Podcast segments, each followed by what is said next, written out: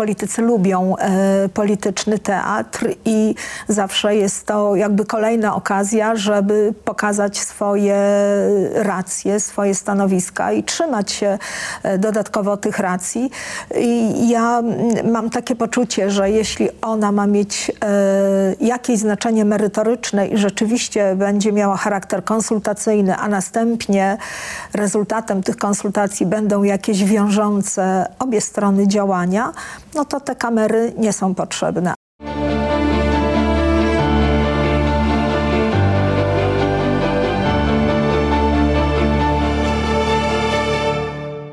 Państwa i moim gościem jest dzisiaj pani profesor Ewa Marciniak, y, profesor Uniwersytetu Warszawskiego, a zarazem dyrektorka Centrum Badania Opinii Społecznej. Dzień Witam. dobry.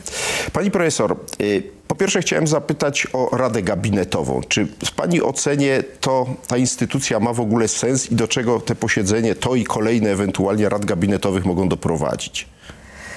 No, mm, można znaleźć pozytywny aspekt, y, mianowicie taki, że politycy z różnych opcji rozmawiają ze sobą. Z różnych opcji y, to brzmi być może pozytywnie i taki chciałam nadać temu kontekst, ale z drugiej strony patrzymy na mm, pana prezydenta jako przedstawiciela opcji. Powinniśmy patrzeć na niego jako na arbitra sporów politycznych, strażnika konstytucji, autorytet polityczny.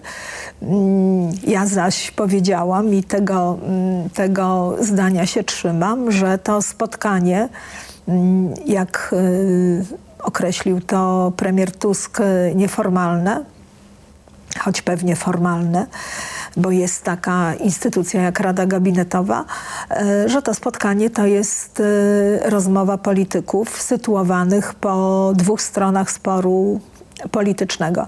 I to jest e, ta, jakby ten, ten negatywny aspekt. No i oczywiście z perspektywy takiej polityki komunikacyjnej, w którą bardzo ostatnio angażuje się e, pan prezydent, chociaż nie tylko w nią, e, w, ten, w tę sferę działania, to jest kwestia podnoszenia swojej ekspozycji w przestrzeni publicznej e, na taki poziom, który byłby dla niego i jego politycznego środowiska satysfakcjonujący. No bo dla własnego środowiska trzeba, mm, czy do własnego środowiska trzeba wciąż komunikować, że jestem ja, prezydent, jestem ważnym e, aktorem politycznym i właściwie dzisiaj jedynym sprawczym elementem obozu Prawa i Sprawiedliwości, czy chyba powiem Prawa i Sprawiedliwości, a nie tak. Zjednoczonej No ale czy rzeczywiście akurat w tej sprawie ta sprawczość prezydencka się może objawić? Bo doświadczenie rad gabinetowych i z czasów Kwaśniewskiego i z czasów Lecha Kaczyńskiego no, pokazywało, że te ciała właściwie niewiele dawały. One się zbierały, tam dochodziło do mniej czy bardziej, e, o czym przecieki mówiły z mediów e, no, e, konfliktów raczej i utarczek słownych i później właściwie efektu tego nie było. No tak, czyli w takim sensie funkcjonalnym e, panowie ministrowie, pan premier i pan prezydent podejmą jakieś tematy. Jak tutaj wiemy, będzie kilka konkretnych tematów, między innymi Centralny Port Komunikacyjny. Czyli jak y, próbuje się utrzymać, że będzie to poza bieżącym sporem y, politycznym rozmowa, choć nie sądzę, że tego sporu i jego artykułowania da się uniknąć. No CPK jest elementem sporu politycznego. No nie, to nie jest tylko spór o charakterze czysto ekonomicznym czy gospodarczym. Y, Pani profesor, jeszcze żeby skończyć wątek Rady Gabinetowej, chciałem zapytać, pojawił się pomysł, jak rozumiem, po stronie rządowej, żeby to posiedzenie Rady Gabinetowej było transmitowane. Nie ma jeszcze odpowiedzi ze strony y, prezydenta, no ale czy co pani o tym sądzi? Bo ja się obawiam, że jeśli to będzie transmitowane, to zamieni się w inną wersję komisji śledczej, czyli będzie teatrem politycznym wyłącznie. No, pole, po, politycy lubią e, polityczny teatr i zawsze jest to jakby kolejna okazja, żeby pokazać swoje racje, swoje stanowiska i trzymać się e, dodatkowo tych racji.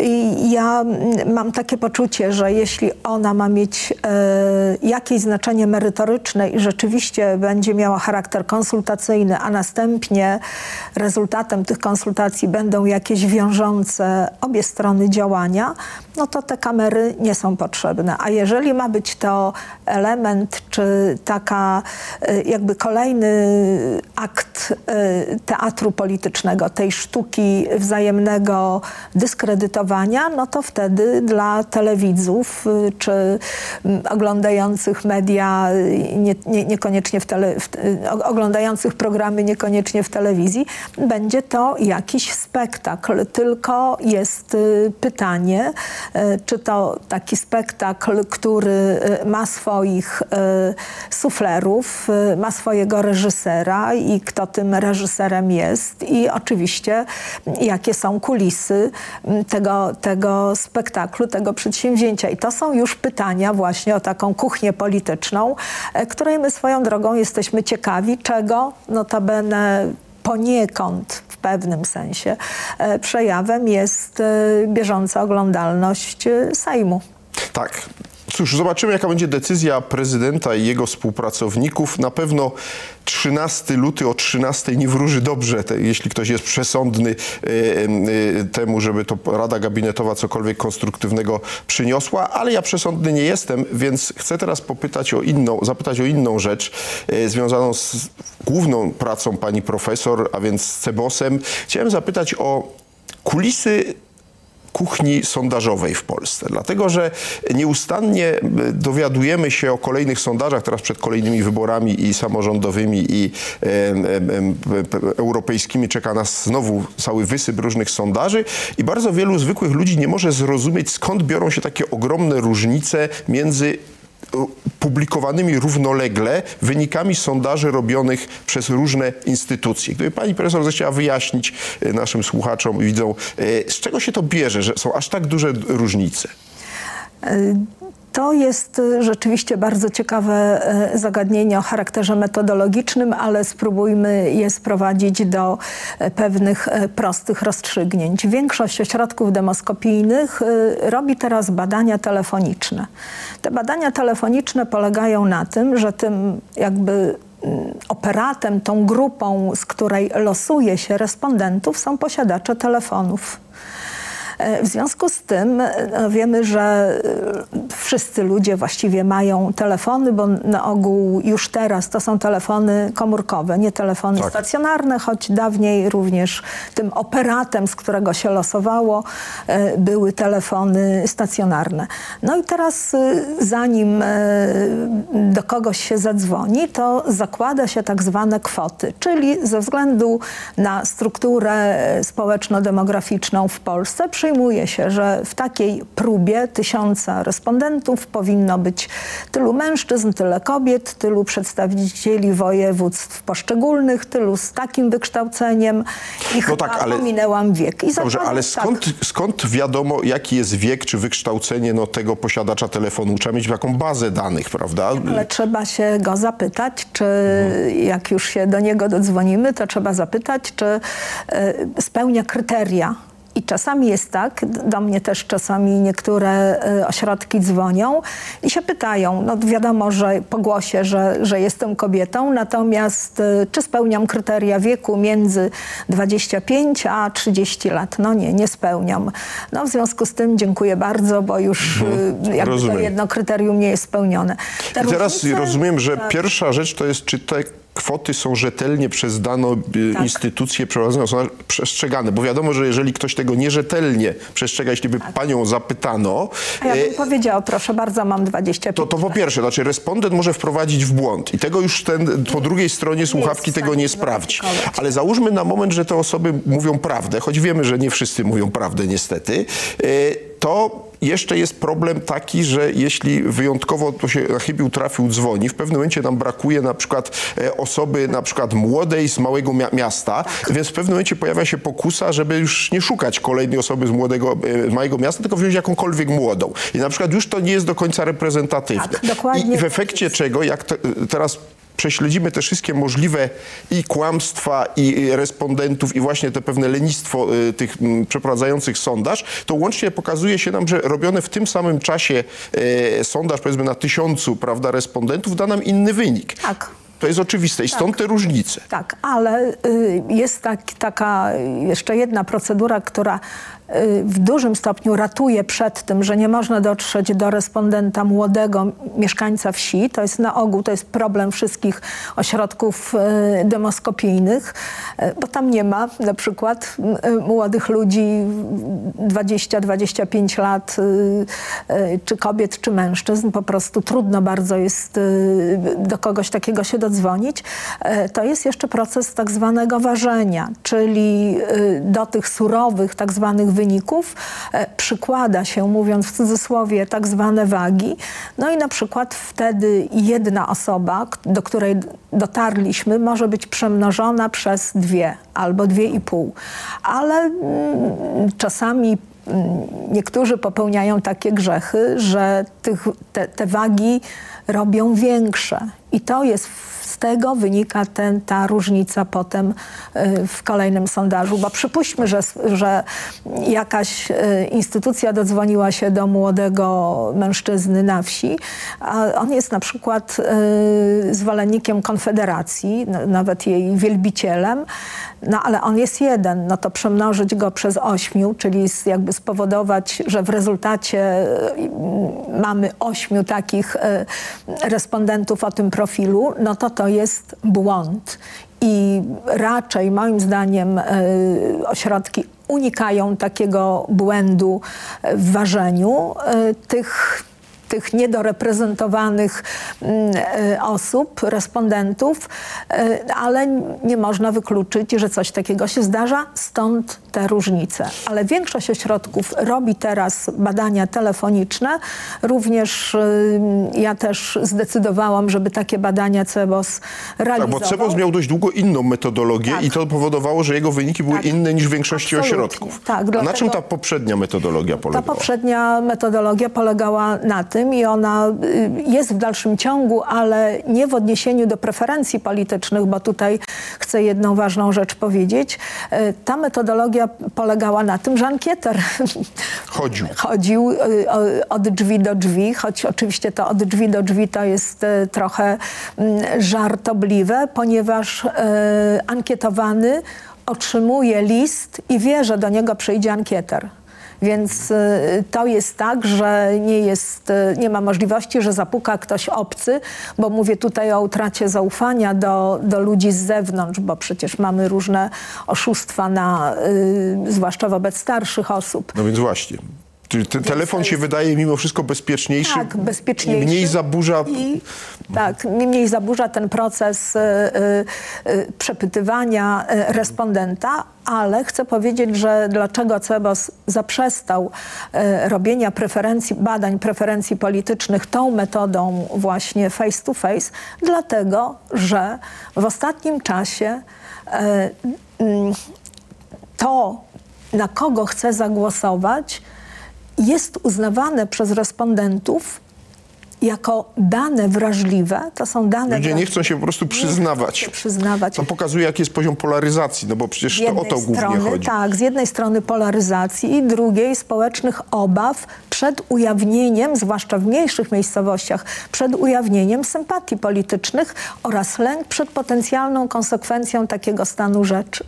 Więc jeżeli to zostało zdiagnozowane, że y, ludzie albo odmawiają, w Cebosie był duży procent odmów, albo mówili, że nie wiem na kogo będę głosować i ten procent, ten odsetek sięgał 25, no to trzeba było podjąć inne działania. Z jednej strony po to, żeby e, można się było porównywać z innymi em, ośrodkami, ale z drugiej strony, żeby jakby maksymalnie niwelować ten ten konformizm, ten lęk społeczny przed ujawnianiem preferencji politycznych uznanych jako coś, co jest wrażliwe. I to jest moim zdaniem odzwierciedlenie szerszego procesu społecznego, który zadział się w ostatnich la- latach, mianowicie tego społecznego konformizmu, czyli lęku przed potencjalną sankcją władzy lub przedstawicieli władzy. No, tego, tego wcześniej nie było. Yy, No i, i to jest taki czynnik, który, z którym moim zdaniem no, warto, na którym się warto zastanowić, prowadzić e, jakby inne badania czy jakąś edukację dotyczącą tego, że mm, ujawnianie prywatnych e, poglądów dotyczących, dotyczących e, preferencji politycznych nie jest zagrożone sankcją, ale ludzie tak myśleli. Tak. Pani profesor, ale czynnikiem, który też wpływa na zróżnicowane efekty tych sondaży jest też sposób zadawania pytań, treść pytania. I teraz, bo oczywiście każdemu się wydaje, że to jest takie proste, no na kogo będziesz głosował. No ale wiemy doskonale, że y, bardzo wielu ludzi y, kompletnie się nie interesuje polityką. Ich orientacja w ogóle, kto kandyduje, na kogo można głosować jest ograniczona. Y, I co wtedy? To znaczy, y, czy na ile sposób zadawania pytań może wpływać na, na, na wynik sondażu? E, Wszyscy zadajemy pytania, gdyby wybory odbyły się w najbliższą niedzielę, to zagłosowałbyś, czy zagłosowałabyś. I tutaj jest lista partii politycznych i tak e, tworzą się badania związane z preferencjami politycznymi.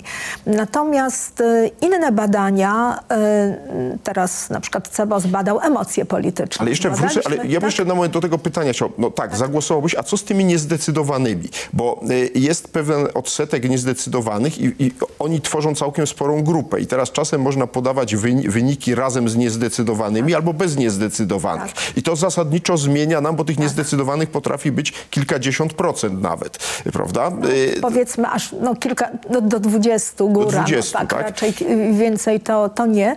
I to jest bardzo ważne. No tak, ale żeby- był taki sondaż całkiem niedawno z kolei, y, y, kogo wybrałbyś, widziałbyś w roli prezydenta Polski następnej kadencji. I najwięcej osób wybrało kandydaturę, nie wiem, trudno powiedzieć. Tak. No więc jednak tych niezdecydowanych, i to było powyżej 30%. Więc to wszystko zależy od tego, czy pytamy o konkretne partie w wyborach parlamentarnych, czy o przyszłego prezydenta, bo tu się okazuje, że tych niezdecydowanych jest więcej niż zwolenników Trzaskowskiego, który tam był na pierwszym miejscu, później był Hołownia i tak dalej. Więc y, y, dla mnie to jest też bardzo ważne, bo staram się, żeby nasi widzowie zrozumieli, że sondaż jest tylko taką nieostrą fotografią stanu nastrojów pewnej grupy ludzi e, w danym momencie i budowanie na nim pewności co do wyniku wyborów jest kompletnym błędem. To jest trochę tak, jakbyśmy próbowali na podstawie nieostrego zdjęcia, e, ktoś tam trzyma gazetę, odczytać dokładny tytuł tej gazety, czy ty, jakiś tytuł artykułu. To jest niemożliwe. Natomiast jeżeli mamy ileś zdjęć z różnych stron robionych, e, to możemy poszczególne litery tej, tego tytułu odczytać. I to są te dobre sondaże. E, To jest bardzo dobra, e, trafna metafora. Rzeczywiście to jest fotografia e, nastrojów społecznych. My to nazywamy opinii społecznej, ale opinia też jest labilna. Ona się zmienia niemal z dnia na dzień, bo jakieś spektakularne wydarzenie może wpłynąć na, na rezultaty badań. My mówiliśmy tutaj o dwóch czy, typach badań, czyli kogo byś wybrał na przykład na polityka roku. Takie było badanie w Cebosie. No to też około połowa mówi, że nie ma takiego polityka. Ale potem oczywiście zwyciężył w tym e, 23 roku w tym rankingu Donald Tusk, bo najwięcej, kilkanaście procent głosowało e, właśnie na Donalda Tuska. Potem na kolejnym miejscu e, był, był prezydent Andrzej Duda. Więc i to jest jakby inny rodzaj pytań. Polacy emocjonują się preferencjami.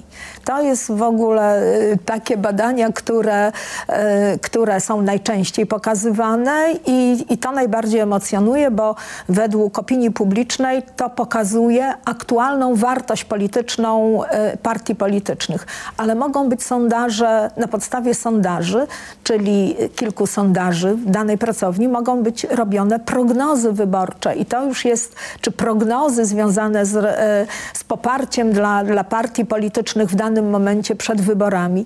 I to już jest bardzo odpowiedzialna, odpowiedzialne zadanie, ponieważ ono polega na y, wyjściu poza tę bieżącą fotografię, tę nieostrą fotografię, jak to pan profesor mm, bardzo y, trafnie ujął, a bierze się pod uwagę w tych prognozach inne czynniki, inne zmienne, głębsze, głębiej osadzone badania, e, bardziej e, dogłębnie przeanalizowaną strukturę e, socjodemograficzną i tak dalej. Czyli to już jest duże wyzwanie, ale warto je raz na jakiś czas robić. Wszyscy robią tę nieostrą fotografię. No właśnie, ale... Trzeba do tego tak, mieć dystans. Ale niektórzy też robią fotomontaże. I teraz na koniec naszej rozmowy chciałem panią profesor zapytać o tą ciemniejszą stronę funkcjonowania e, rynku sondażowego w Polsce.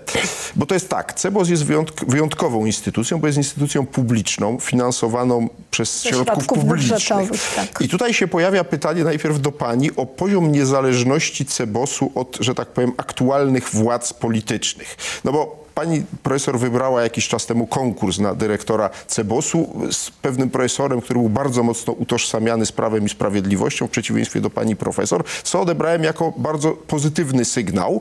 No ale chcę zapytać, czy pani profesor później y, miała do czynienia dotąd z jakimiś próbami nacisków y, politycznych, czy to ze strony y, no, takich czy innych polityków sugerujących, że jak pani chce na przykład przetrwać na tym stanowisku, to pani no, powinna pamiętać, że te sondaże nie mogą być zbyt złe.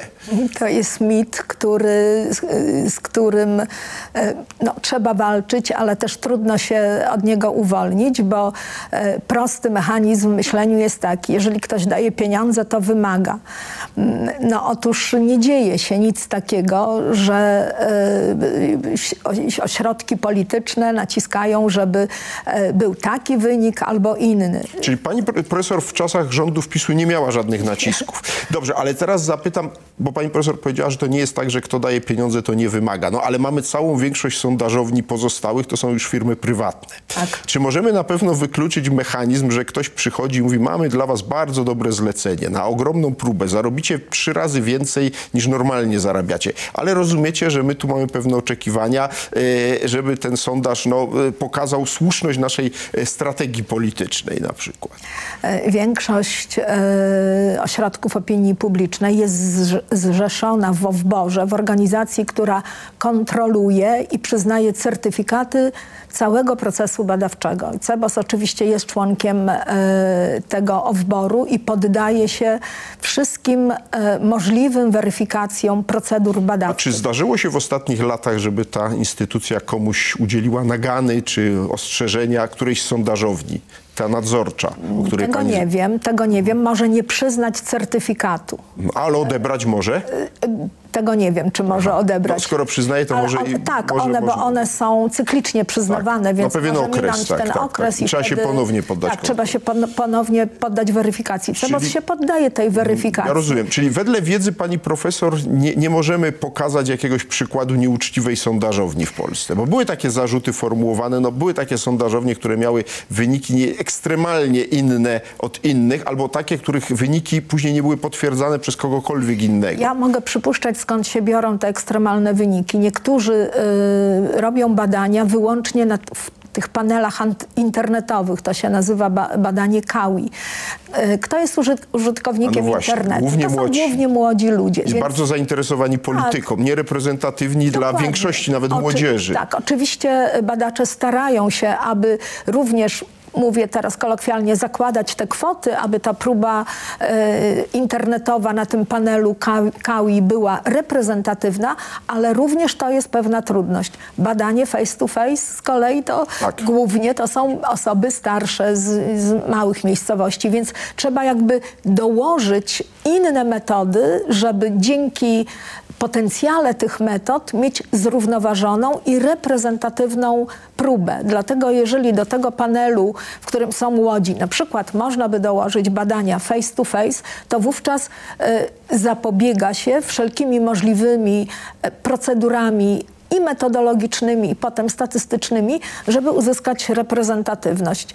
E, Ja nie mam takiej wiedzy, czy ktoś zamawia badania. Wiem, że partie polityczne zamawiają badania. W CEBOSie nie zamawiają, od razu e, powiem, takich badań. E, CEBOS proponuje, i to jest zatwierdzone przez Radę CEBOS, plan badań i my podążamy za, bieżącymi, za bieżącą sytuacją polityczną, e, za bieżącą sytuacją geopolityczną. I teraz na przykład robimy duże badania dotyczące dwudziestolecia naszej obecności w Unii Europejskiej i to wydaje się oczywiste, więc jest zespół naprawdę znakomitych badaczy i y, staramy się, żeby ta fotografia nie była zamazana, ale żeby była bardziej czytelna. Stąd też różnorodność metod, które y, pokazują, że y, wyniki badań mogą być reprezentatywne. Pani profesor, bardzo dziękuję za rozmowę. Myślę, że po tej rozmowie będziemy patrzeć troszkę krytyczniej na sondaże, nie traktować ich jako rzeczywiście prawdy objawionej i przyglądać się też metodologii robienia tych sondaży, bo to nam powie, czy ten sondaż jest mniej czy bardziej wiarygodny. I tym apelem kończę dzisiejszy program. Dziękuję Państwu za uwagę i serdecznie zapraszam na kolejny program z cyklu Dudek o Polityce za dwa tygodnie. Za tydzień nie ma programu, spotykamy się za dwa tygodnie. Dziękuję Państwu.